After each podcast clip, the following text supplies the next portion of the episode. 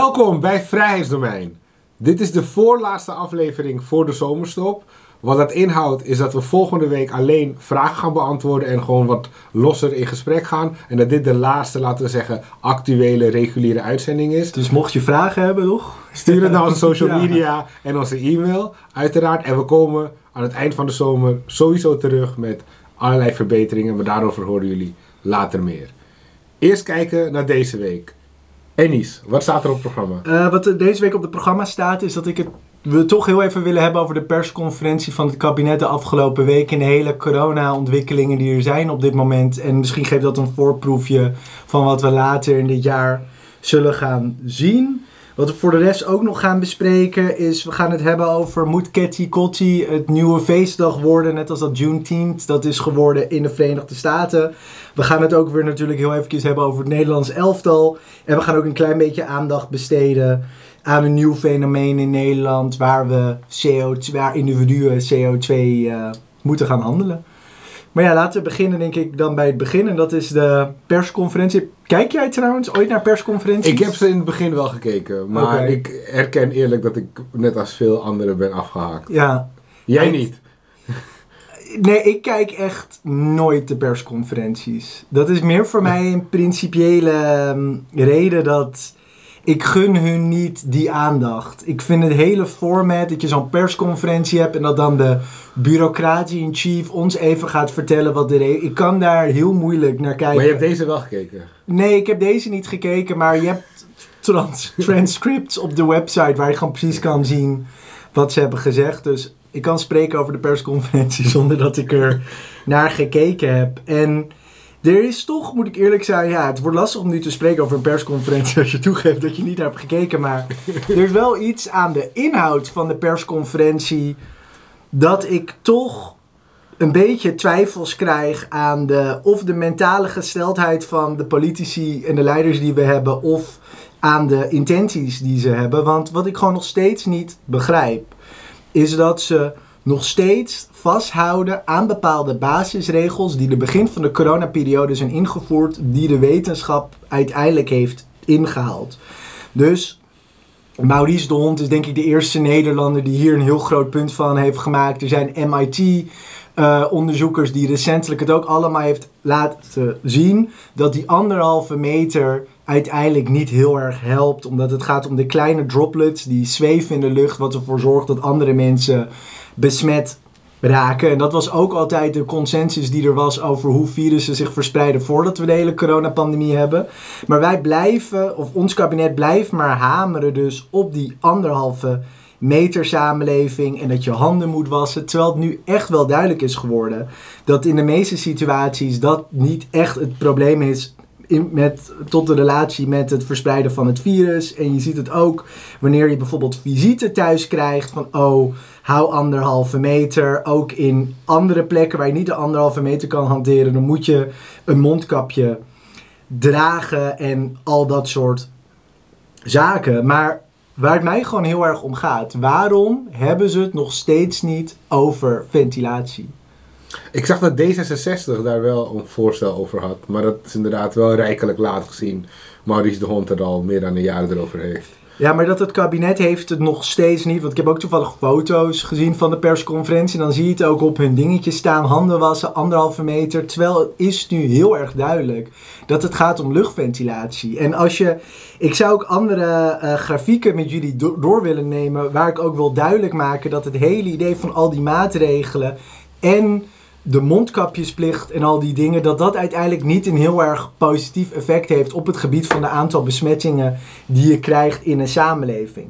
Dus wat je in deze eerste grafiek kan zien, dan kan je zien hoeveel mensen in een IC-bed zitten met COVID-19 van de populatie in Hamburg en in Stockholm. En wat je bijvoorbeeld heel duidelijk kan zien is dat ze in Hamburg sinds vorig jaar september heel veel maatregelen hebben genomen. Als bijvoorbeeld vanaf 1 september moest je een masker dragen in publieke plekken. Terwijl dat in, in Stockholm nooit het geval was. In Hamburg moesten de restaurants moesten gaan sluiten rond eind oktober. In Hamburg moest, werd het uiteindelijk zelfs verplicht om een mondkapje te dragen buiten de deur. De winkels gingen dicht in Hamburg. Uiteindelijk moest je zelfs mondkapjes dragen in de auto was een wet die was ingevoerd in deze Duitse stad. Later hebben ze net als in Nederland een avondklok ingevoerd. En de bovenste lijn, daar zie je dus de hoeveelheid mensen die een IC-bed belanden in Hamburg. En daaronder zie je Stockholm. En je ziet dat in Stockholm hebben ze al die maatregelen hebben ze niet genomen. En je ziet dat de trend min of meer hetzelfde is. En dat in Stockholm eigenlijk nog minder mensen in het ziekenhuis terecht zijn gekomen met COVID-19. En als je bijvoorbeeld naar deze grafiek kijkt, dan kan je het verschil zien van de hoeveelheid besmettingen in Mississippi en Alabama. En wat je kan zien is dat in Mississippi Rond 30 september van het afgelopen jaar stopte de mask mandate dat mensen een masker moesten dragen, terwijl dat in Alabama doorging. En je kan zien dat de lijn van de hoeveelheid besmettingen in Mississippi en Alabama helemaal gelijk zijn gelopen. Hier zie je bijvoorbeeld alle maatregelen die ze hebben genomen in Los Angeles sinds de start van de coronacrisis. Nou, heel snel werd al een mask mandate ingevoerd. De restauranten moesten sluiten. Zelfs de uh, outdoor restaurants moesten uiteindelijk uh, sluiten. Er kwam een curfew, een avondklok. En uiteindelijk waar, moest iedereen thuis blijven en moest niemand, mocht niemand meer reizen. En je ziet het, de besmettingen liepen heel erg op. En uiteindelijk ging het weer helemaal omlaag. En als je dan Florida vergelijkt, wat uh, de gouverneur van Florida, DeSantis, had al de keuze gemaakt afgelopen september om te zeggen van hé, hey, we gaan een wet invoeren dat alle zaken en businesses en scholen moeten weer open. Toen heeft hij destijds heel veel kritiek gekregen van verschillende media, van ook Fauci, de, de voorzitter van de CDC. En uiteindelijk hebben we gewoon gezien dat in Florida er niet meer besmettingen zijn geweest als bijvoorbeeld een staat als uh, Californië, of hoeveelheid doden trouwens, wat je ziet in deze grafiek. Terwijl in Florida is een oudere populatie gemiddeld genomen dan in Californië. Dus eigenlijk zou het andersom moeten zijn. En ik heb hier nog een laatste grafiek, dan kan je dus het verschil zien tussen de Amerikaanse staat Noord-Dakota en Zuid-Dakota. Geografisch liggen ze tegen elkaar aan. En dan zie je dat uh, Noord-Dakota was veel strenger met hun COVID-beleid. Daar moest je verplichte masker dragen, allemaal business restrictions. Terwijl dat in Zuid-Dakota niet het geval was. En je ziet het dat de cijfers zijn min of meer helemaal hetzelfde. En wat dat ons kan bewijzen is dat de maatregelen die er nu wordt genomen door onze overheid, heeft niet per se het effect dat, er, dat we minder besmettingen hebben in onze samenleving. Ik denk het beste voorbeeld was natuurlijk tussen Stockholm en Hamburg. En dan ga je echt afvragen van wat is er dan precies aan de hand? Ja, dus een, een paar dingen. Dus dat wat jij zei van die anderhalve meter en die handen wassen, dat is iets wat ze nu al anderhalf jaar tegen ons zeggen. Ik heb een keer het argument gehoord voor een referendum. En een van die argumenten was: het is voor politici heel moeilijk om terug te komen op eerdere beslissingen. Omdat het voor politici vaak neerkomt op gezichtsverlies en verlies aan geloofwaardigheid. Maar als de burger het doet voor de politicus, dan kunnen ze zich wel aanpassen. Dus ik noem maar wat.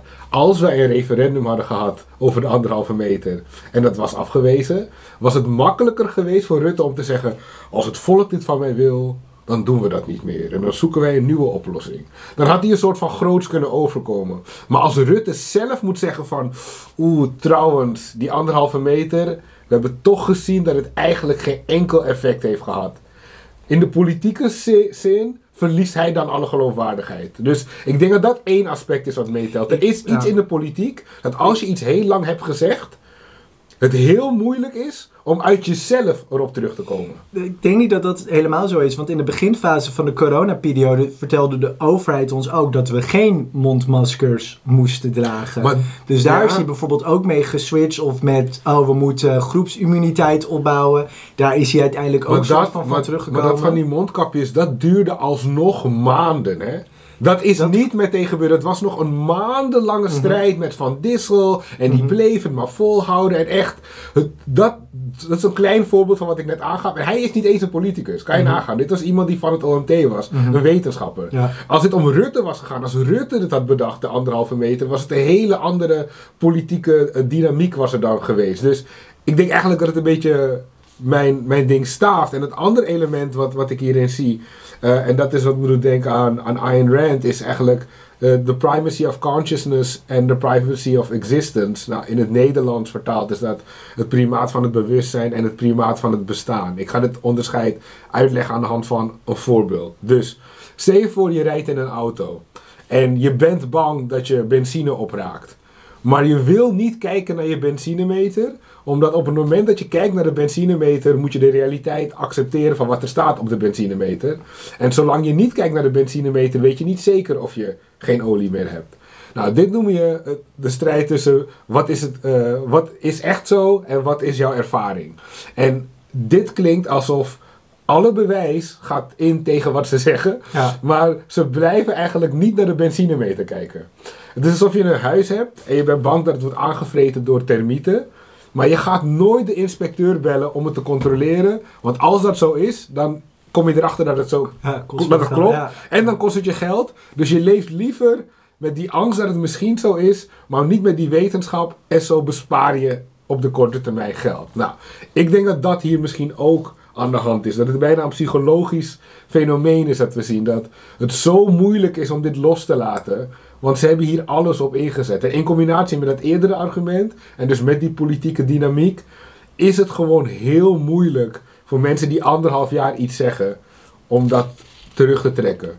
Ja, Zeker als het ook nog eens totaal niet heeft gewerkt. Dus het is niet eens dat ze hebben gezegd, het is niet meer nodig en het heeft ooit gewerkt. Kijk, dat is een wat makkelijkere escape. Maar als het is, het heeft nooit gewerkt en we bleven het zeggen anderhalf jaar, dat is nog een slechter verhaal. Dus ja, eigenlijk voor hun, voor hun politieke toekomst, is dit de enige route die zij kunnen gaan. En dat is heel triest eigenlijk. En het is heel nadelig voor ons. Want wij hebben eronder te lijden.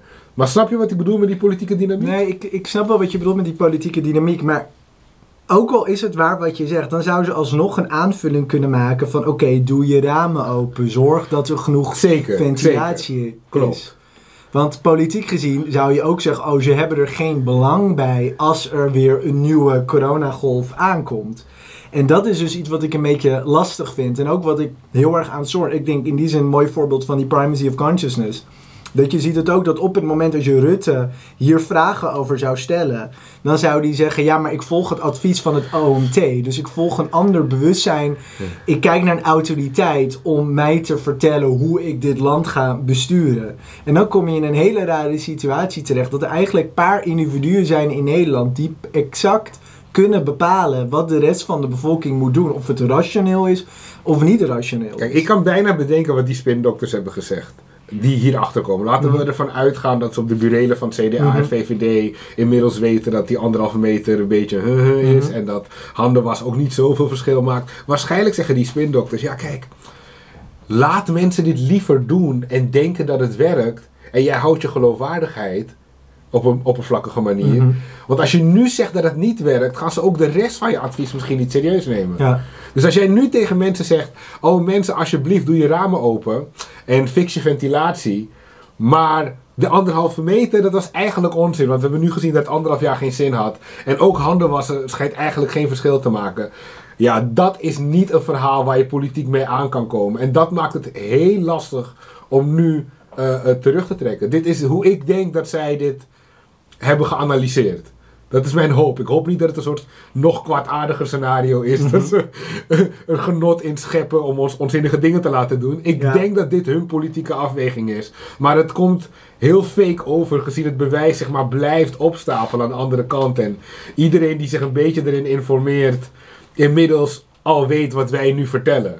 Dus dat maakt het wel heel pijnlijk. Ja, precies. Maar als er dan vanaf het begin altijd wordt gezegd van... oh, als iedereen dan een vaccin heeft, dat is de oplossing dat we uit de crisis komen. Nu hebben bijvoorbeeld heel veel mensen hebben een vaccin. En nu wordt er al soort van gewaarschuwd van... oh, er komt een derde golf aan in het najaar. Dan begin ik echt te twijfelen van... oké, wat is hier dan precies aan de hand? Want ik had het hier ook opgeschreven dat... Mm. en dit, ik denk dat er heel weinig aandacht hier voor dit bericht was gekomen. Maar Brussel... De Europese Commissie bestelde in mei 2021, dus een paar maanden geleden, 1,8 miljard vaccins van Pfizer, die de komende twee jaar beschikbaar zouden moeten worden gesteld. En wat we dus nu ook zien is dat bijvoorbeeld in Israël, het land waar de me- meeste mensen gevaccineerd zijn, heeft de nieuwe premier Naftali Bennett heeft gezegd van oké, mensen die in de toekomst in aanraking komen met de Delta variant, moeten zich isoleren. Dus dan heb ik het over mensen die hebben twee coronavaccins al gehad in, met iemand zitten in een bus die bijvoorbeeld de Delta-variant heeft. En dan moet zo'n persoon twee weken weer in zelfisolatie.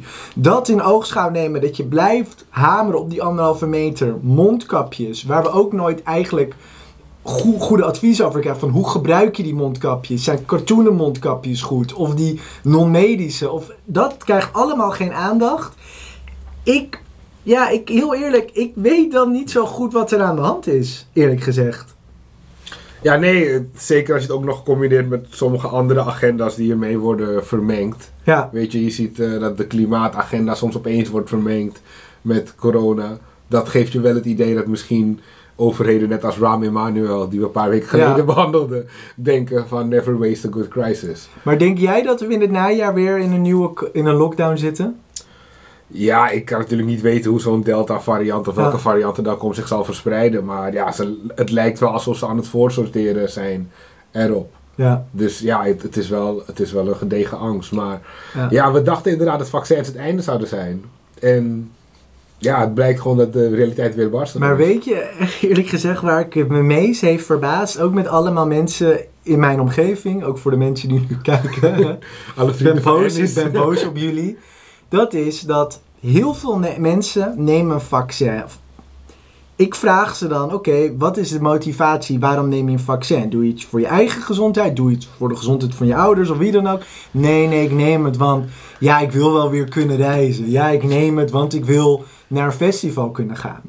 Dus ik zeg tegen die mensen, realiseer je hoe gestoord dit is. Dat we dus nu in een samenleving zijn gekomen. Dat jij een medicijn neemt, omdat als je het niet neemt, heb jij het gevoel dat je vrijheid weggaat. Een experimenteel Dat, medicijn. een, een experimenteel medicijn. En dan ook nog, wat we ook denk ik niet moeten vergeten, is dat zelfde mensen er geen probleem mee heeft dat de overheid dit doet. Dus ik kan me voorstellen dat je zegt van oké, ik neem het vaccin, want ik wil naar het festival, ik wil naar waar naartoe gaan in de wereld, heb geen zin om het te laten testen. Maar ik vind het schandalig dat de overheid dit van mij eist, dat ik dit moet doen om vrij te kunnen zijn. Maar zelfs die, die houding hebben ze niet. Het is heel erg prima joh, whatever. Oh, volgend jaar oh, nog een prik, prima. en dat is wat ik echt denk van, zijn we echt een land geworden van makkelammetjes? Ja, ik, ik verbaas me ook over de, de juichsfeer die ik vaak zie bij mensen die die prik nemen. Kijk, als het om oudere mensen gaat of mensen met de aandoening, ik snap het helemaal. Ja. Of bejaarde mensen, weet je, dat die denken van, ik heb nergens meer last van, prima. Alleen dat gewoon gezonde jonge mensen in hun 20, 30 jaren echt dol enthousiast worden over dat ze een experimenteel medicijn krijgen waarmee ze sommige van hun vrijheden voorlopig terugkrijgen. Ja, Ja, dat, dat verbaast me. Ik ga ook niet zeggen dat er voor mij geen reden kan zijn om het te doen. Ik heb het niet genomen. Ik ben niet van plan om het nu te nemen. Mhm. Maar er kan een reden zijn dat ik het doe. Ik kan een afweging maken van oké, ik moet naar dat land reizen. Of ik krijg een aanbieding vanuit dat gebied. Dit is mij het waard om het risico voor te nemen. Ja. Het zou kunnen. Maar ik ga niet ervoor staan te trappelen of zo. Nee. Ik, ik wacht zoveel mogelijk dagen af. Omdat ja, eh, hoe langer het duurt, hoe eerder we bijwerkingen zullen zien. En hoe groter de kans dat ze het vaccin kunnen verbeteren of eh, ja, vervangen. Ja. Dus ja, ik denk gewoon dat dat lijkt me de meest slimme route als je niet moet reizen voor je werk, bij wijze van spreken. Of weet je, echt iets moet doen waar dit gewoon niet op kan wachten. Mhm. Maar is dan ook niet het probleem dat ooit het idee was van het Westen, wat de ideale overheid zou moeten zijn, is een overheid die een soort van werkt voor het volk en ervoor zorgt dat de rechten van de mensen in de samenleving worden gerespecteerd. En dat dat nu zo aan het wegcijpelen is in onze samenleving, dat ik soms steeds vaker het gevoel krijg, volgens mij is dit land echt gedoemd om op ons bek te gaan en komt er pas een echte tegenbeweging tegen al deze macht die wordt gepakt over ons leven op het moment als we echt gaan voelen wat de consequenties daarvan zijn. Ja, ik denk dat we in Nederland het grootste probleem is dat, en dit geldt voor links en rechts, dat eh, we denken nooit na over de rol van de overheid. We spreken er niet over. We spreken wel over dingen die de overheid zou moeten kunnen doen. En heel af en toe, als het gaat om vrijheid van meningsuiting, dan, dan raken we aan de rol van de overheid zijdelings. Maar er is niet echt een soort overtuiging dat als iets van de overheid komt, we het anders moeten behandelen. Ja. Bijvoorbeeld, mensen zullen een foute opmerking op de NPO net zo behandelen als een foute me- opmerking op RTL. Het, zit niet in ons hoofd dat we echt denken van, oh nee, dit is een overheidsdienst. Mhm. Voor, voor de meeste mensen. Ja. En dat vertroebelt het enorm. En ik denk dat de ander aspect dat het zo vertroebelt is dat wij hebben eigenlijk, eh, we zijn gezegend in dit land. Wij hebben niet een dictatoriale overheid gehad die we ons kunnen herinneren, die Nederlands was. Ja. De enige dictatuur die sommigen, en dat is een hele kleine groep, zich nog kunnen herinneren, is uiteraard die van de Duitsers. Maar Ja. dat is iets van buiten. Dat is niet iets van ons. Dat kunnen we mentaal scheiden van elkaar. Ja. Maar we hebben nooit een Nederlandse dictatuur gehad.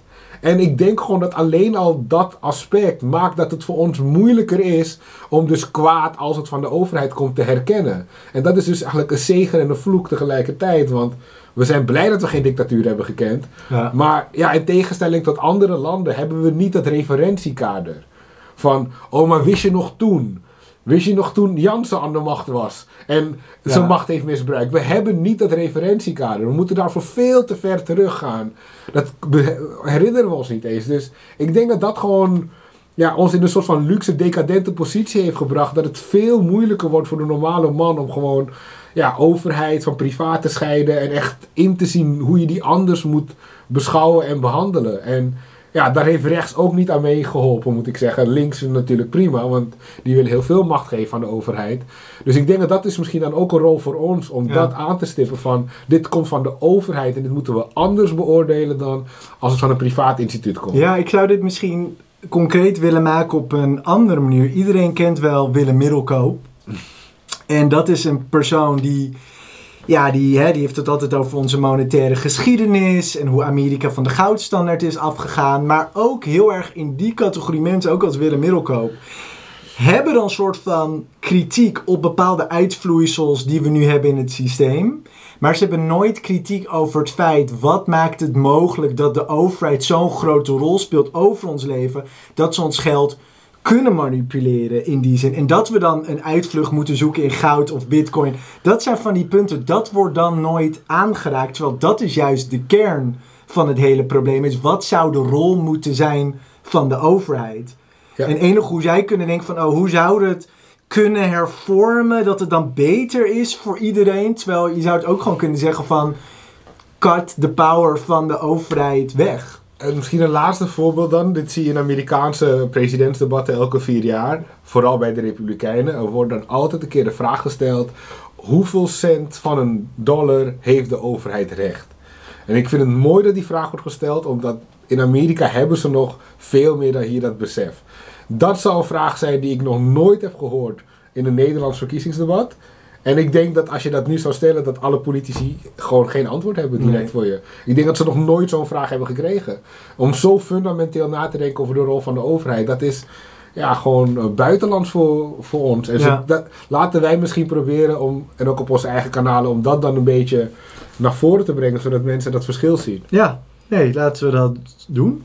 Afgesproken. Bij Ja, deze. bij deze. Laten we dan gaan naar het volgende onderwerp. Dat is iets dat eh, Nederlanders eh, er zelf wel voor zijn. Dat eh, we controle krijgen over elkaars leven. Dat is dus dat eh, Nederlanders zien persoonlijke CO2-handel zitten, mits lasten eerlijk worden verdeeld. Dus het plan is zeg maar dat Nederlanders zijn positief tegenover een persoonlijke emissie- en handelssysteem om de uitstoot van CO2 terug te dringen. Met zo'n systeem krijgt elke Nederlands huishouden een CO2-budget dat besteed kan worden aan vliegreizen, autorijden, vleesconsumptie en energieverbruik in huis. Wie tekort komt, moet rechten bijkopen. Wie overheid kan eraan verdienen. Wat eh, heb je hier dan? eh, Ja, ik snap je. dit, dit is heel dy- dystopisch. eh, het idee. Kijk, in principe als iemand op zijn eigen telefoon een app wil installeren die meet hoeveel CO2 die verbruikt of zo, hey prima, als bewustwording ja, zou dat nog best kunnen werken. En misschien dat, men, dat het mensen kan stimuleren om er iets aan te doen. Alleen, ik begrijp dit dan dat het de overheid is die dan elk jaar een soort van ton gaat vaststellen en aan personen gaat uitdelen. Is dat, is dat Mhm. hoe het dan moet werken? Ja. Ja, nee, dan vertrouw ik het natuurlijk voor geen meter. Omdat dan een overheid erbij komt kijken. Nee, maar los alleen van de overheid, meer de hele, een CO2-budget. Dus dat er voor jou bepaald gaat worden hoeveel je mag vliegen, hoeveel je mag autorijden. En dat de meeste mensen hier dan voor zijn. En wat ook in dit artikel stond, en dat is ook een punt wat ik belangrijk vind om te maken. Dat is dus dat, dat de burgers, Nederlanders, zeggen dan... Ja, de bedrijven moeten ook eerlijk meebetalen. Maar het klinkt misschien een beetje stom, ik zeg maar, bedrijven bestaan eigenlijk niet. Een bedrijf is een abstractie. Een bedrijf bestaat uit de eigenaren, het personeel en de klanten. Op het moment als jij de bedrijven ook eerlijk laat meebetalen, dat betekent dat de eigenaren verdienen minder geld, het personeel verdient minder geld en de klanten, betalen moeten meer gaan betalen. Dus het is niet van, oh, wij hebben de mensen en dan heb je die bedrijven daar en daar trekken we het soort van ook vanuit. Die moeten eerlijk meeleiden. Dat zo zit de wereld Ja, dit, dit is echt- helemaal niet in elkaar. Het is echt een product van die hele dehumanisering van bedrijven die we echt al jaren hebben in Nederland. Dat ze worden als een soort van rare entiteit weggezet. Weet Ja. je? Net zoals je the rich hebt in Amerika, de 1%. In Nederland is het een makkelijk stokpaardje, de bedrijven. Laat de bedrijven gewoon betalen, jongens. Lekker makkelijk. De rijke bedrijven. Alsof het, alsof het geen enkel effect heeft op de rest van de economie, op, op investeringen, op lange termijn, op spaartegoeden. Gewoon, het is allemaal zo simpel. Geef gewoon die bedrijven een rekening, die betalen het en we hebben dit sociale probleem opgelost. Ja. Er zijn mensen die echt zo simpel denken en dat soort politiek verkopen.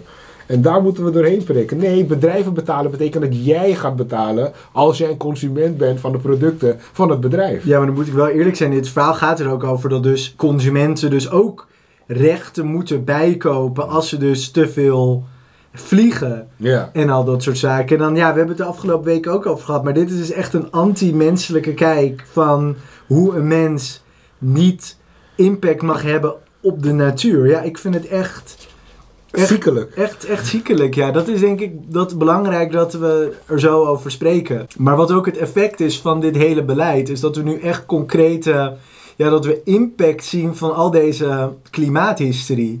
En dat is dat er eh, ook deze week een artikel uitkwam dat het elektriciteitsnet net raakt in steeds meer wijken overbelast door snelle economische groei. Waar het uiteindelijk op neerkomt is niet economische groei, want we hebben de afgelopen jaren heel weinig economische groei gekend.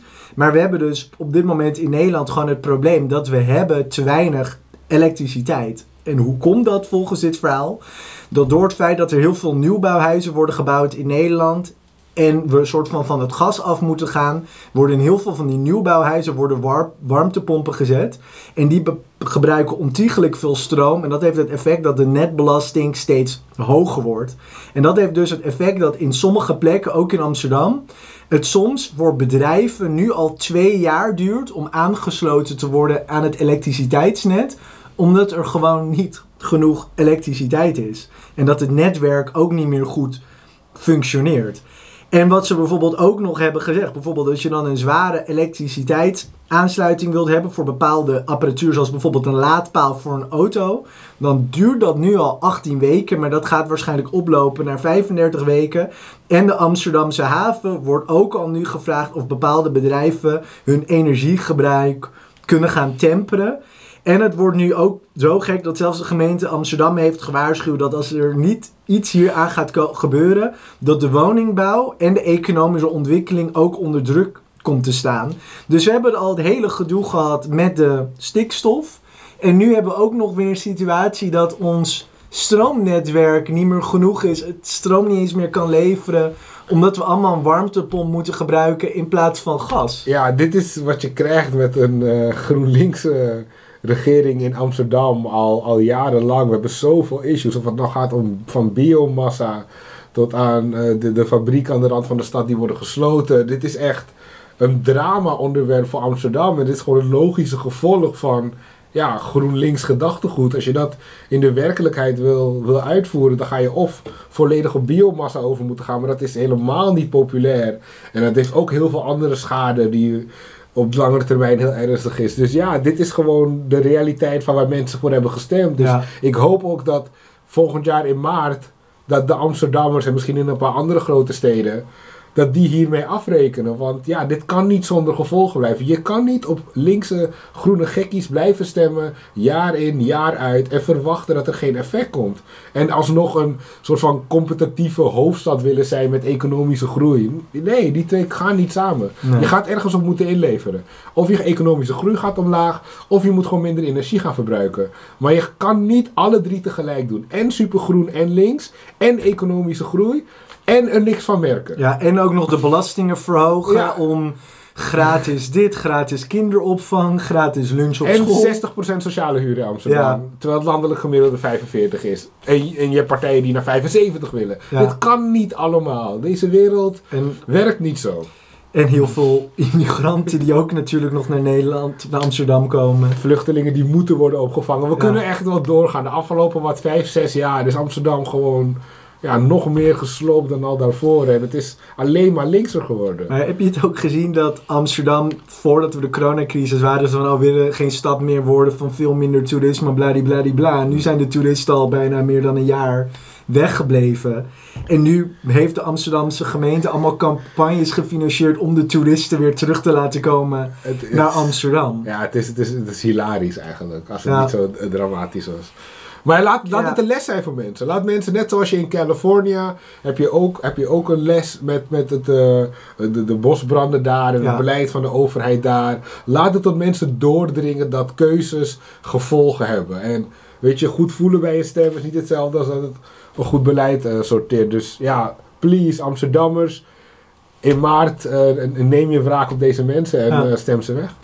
En Jernis, heb je vorige week nog uh, Juneteenth eh, gevierd? of, eh, Nee, nee. Maar volgende van de- week... ja, volgende misschien week- van de kijkers kan je uitleggen wat Juneteenth Ja, Ju- Juneteenth is de dag dat eh, in Texas een tekst werd opgelezen waarin de slavernij eh, formeel, de, de slaven werden bevrijd, om zo te zeggen. Mhm. En die dag noem je Juneteenth. En dat is nu in Amerika, dankzij de Biden-administratie, een federale vrije dag. Het was al in veel staten een, state holiday. Dus het is niet dat dit voor het eerste vrije dag is. Maar op dit moment is het natuurlijk landelijk en federaal. Dus het is alsnog een, een teken en, een- en, een, en een stap.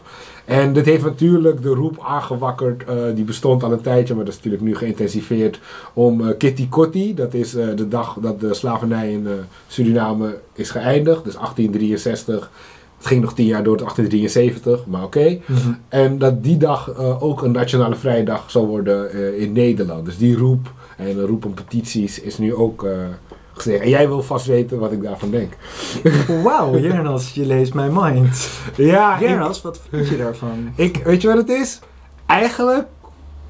Kijk, ik vind het niet helemaal dezelfde situatie. Omdat in Amerika heb je natuurlijk een land moeten vormen met de slavenhouders en de slaven zelf. Mhm. Dus ik denk dat het daar nog gevoeliger ligt, omdat het gewoon letterlijk is dat jouw buurman misschien jouw opa vroeger als slaaf had of zo. Of de, Mhm. je opa van je buurman, uiteraard. Eh, dus ik denk dat het daar misschien meer nodig is.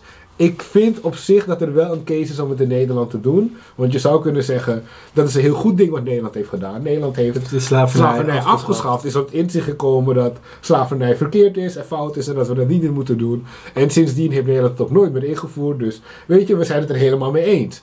Als je het zo zou willen beredeneren en willen zeggen, nou je hebt hier 350.000 Surinamers en ook nog Antillianen wonen. Voor die betekent het ook wat. Ik heb daar niks op tegen. Dus ik zou in principe zeggen ja, alleen. En dit is de grote, vraag, een grote reden waarom ik misschien nee ga zeggen. Je ziet nu dat die agenda in een agenda van een BLM en een white privilege komt en excuses. En ook over excuses vind ik in principe terecht, maar ik ben tegen reparations. Dus nu komen we in een heel lastig speelveld. Dat ik vind de vrije dag prima. Alleen op het moment dat de vrije dag samen moet komen met excuses, dan gaan de excuses weer worden gebruikt om te vragen om reparations, waar ik Ja. wel tegen ben. Ja. Dus de vrije dag ben ik in principe voor.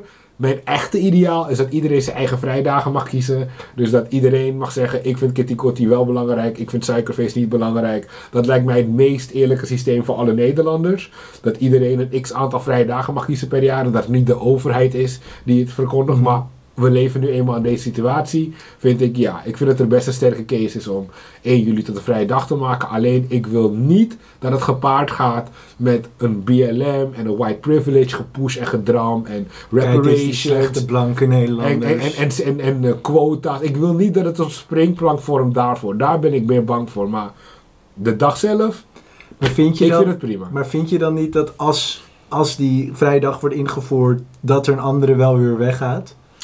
Want ik bedoel, volgens mij zijn ambtenaren Ja, dus ik heb een paar argumenten gelezen dat sommigen zeiden dat bijvoorbeeld Nederland is een van de weinige landen die volgens mij tweede Pinkster of tweede Paasdag heeft, vergeleken met andere Europese landen. Dus Mhm. dat je dan die weg zou kunnen nemen. Ja, ik, bedoel, ik ben niet religieus, dus voor mij persoonlijk doet het niks. Eh, ik weet natuurlijk niet hoe christenen daarover denken, hoe diep het bij hun gaat, maar ik vind dat niet een hele, een hele rare vraag of zo. Nee, ik vind dat niet te veel gevraagd. Dat we een van die tweede dagen dan misschien zouden opgeven. Maar nogmaals, mijn ideaal is, iedereen kiest het lekker voor zichzelf. Ja, ja, misschien als het nieuwe kabinet CDA er niet in komt, omdat ze zijn weggewiped, kunnen ze dit soort eh Maar ik vind het niet bij. Maar ik vind het niet van super enorm belang of zo. Ik denk ook niet dat dit het ding is dat zwarte mensen of Surinaamse mensen in Nederland het meest gaat helpen. Maar hey, op zich, doe het maar. Wat vind je ervan dat Sylvana verdubbeld is in de peiling? Heeft het je verbaasd? Of? Ik had in principe wel verwacht dat ze de steun zou vasthouden. Want ik bedoel, mensen die op haar stemmen, die weten wel wat ze krijgen. Mm. Een verdubbeling verbaast me wel. Dat zeg ik eerlijk, omdat dat wil zeggen dat ze van 75 naar anderhalf, naar anderhalf ton is gegaan. Oké, dat is wel een grote stijging. Het kan natuurlijk een deel GroenLinks zijn die ontevreden zijn over wat daar is gebeurd. En dat het daardoor een beetje door te verklaren is. Maar ja, in principe, ze staat eh, voor haar punten, net als boer-burgerbeweging. Ja. Je weet wat je krijgt. Ja. En daar houden mensen van, dat, eh, dat je weet wat je krijgt. Dus in principe zo speelt ze het, het spelletje wel slim. Alleen, eh, ja, ik bedoel, dit, ik vind het niet, gewoon niet super relevant. Het Ja. mag van mij, maar dit gaat niet eh, Surinamers per se helpen. Wat, en wat ik wel vind, en dit is gewoon een persoonlijk punt... Surinamers die heel erg graag 1 juli vrij willen. Kijk, echt waar, ik gun het jullie absoluut. Alleen ik heb er enorme moeite mee dat we in Suriname tot een jaar geleden een, een ex-dictator aan de macht hadden. Die, die mensen heeft vermoord. En hij kon alsnog meer dan de helft van de Surinaamse bevolking steunde hem op een gegeven moment. En ook hier had hij heel veel steun. Ik heb daar een beetje moeite mee, omdat het vaak dezelfde mensen zijn. Niet 100%, maar er is een grote overlap. Tussen mensen die wel bereid zijn om voor Bouterse excuses te maken. En over zijn massamoord heen te kijken. Maar die een enorm probleem maken van 1 juli vrije dag. Als je zo'n persoon bent, heb ik nul respect voor je. Als je wel Bouters bekritiseert en je wil dit, hé, hey, we kunnen praten. Laat dat even duidelijk zijn. Oké, nou prachtig, prachtig. nou, dan zijn we denk ik weer gekomen bij het laatste onderwerp van deze week. is het EK voetbal. Ik denk als het zo doorgaat, dan moeten we onze laatste show een oranje shirt doen. Misschien wel, man. Ja, dat heb ik toch gezegd. Als Nederland naar de kwartfinale, dan... eh, Nou, ik vind eigenlijk dat we nu de halve finale moeten halen. Nu het schema zo makkelijk is, moet Nederland de halve finale halen. Anders moet Frank de Boer worden ontslagen. Dat, is- dat is mijn standpunt. Oké, Wat ja. denk jij daarvan? Nou, ja, ik denk wel dat we moeten oppassen dat we niet te optimistisch worden. Want ik weet ook nog, in 2008 wonnen we van eh, Roemenië, Frankrijk en Italië. Klopt. Toen was ook alles helemaal fantastisch. En toen verloren we uiteindelijk tegen Rusland. Als ik dan dit team daarmee moet vergelijken met de wedstrijden, tegenstanders die wij hebben gehad, denk ik toch, je moet toch oppassen dat je niet te veel die zelfoverschatting krijgt. Want België werd ook vier jaar geleden door Wales toen onverwachts uitgeschakeld en zo. Ja, dus kijk, ik, ik vind dat als je gewoon kijkt naar de tegenstanders, Tsjechië, ja, die hebben één echt goede speler. En that's it. Eh, Denemarken en Wales hebben er Ja, één à op, twee. Ja, die, die hebben ga morgen thuis naar Denemarken, Wales. Ik heb kaartjes geregeld om met mijn moeder te gaan. Oh, ziek. Ja, Dus, ja. dus Denemarken heeft er misschien twee of drie net aan. Ja, daar moet je wel gewoon van kunnen winnen. Als je in de halve finale van Engeland verliest, hoewel ik niet vast onder de indruk. Duitsland wel van Engeland. Of, of als Ja. Duitsland komt. Kijk, ik snap dat Nederland van Duitsland kan verliezen. Dus als je verliest van Duitsland, Portugal, België, Italië, zelfs Engeland, oké. Maar denk je voor je gevoel dat we kunnen winnen? Ja, ik denk het wel. Ja. Want ik vind Engeland niet heel indrukwekkend. Ik, Duitsland heeft ook maar één geweldige wedstrijd gehad. Een scenario waarin je wint van Engeland is echt niet heel raar voor mij. Ja. En als je dan in een finale tegen Portugal komt, kan het ook. Jij denkt dat Portugal de finale gaat halen? Ja, ik vind Portugal echt heel gevaarlijk hoor. Ik vind België... Oké, het kan ook België worden. Kijk, die finale kan je ook verliezen. Maar ik, ik denk wel dat we echt een hele grote kans hebben om in de halve finale te komen. Ja, zeker. En je weet hoe het is. In de halve finale kan alles gebeuren. Eén penalty, één rode kaart. En je staat in de finale, weet je. Ja. Dus eh, ja, ik denk dat we echt geluk hebben gehad met het schema. Ik had het niet verwacht. Is er nog iets Malen of Weghorst? Berghuis. Zolang hij niet naar Ajax gaat, wil ik gewoon Berghuis in de basis zien. Nee, Malen verdient absoluut een, een een basisplek, Ja. vind ik. Ik bedoel, laten we gewoon realistisch zijn en eh, die jongen moet gewoon spelen. Ehm, dus nee, dat, dat, dat is wel helder. Alleen, ik ben toch een beetje bang voor Daily Blind en de verdediging. Eh, Oh ja? Dat, dat, dat blijf ik zeggen, maar eh, ik ben alleen daarin. Ja, prima. Ja, ik eh, ben benieuwd hoe onze, video, onze voetbalbijdrage of het uiteindelijk toch misschien bij Veronica Inside worden uitgenodigd. Ja, nee, het zou zomaar kunnen. Dat, weet het niet. dat. Misschien starten wij dit een soort van voetbalpraatprogramma. Dus, eh, filosofisch perspectief.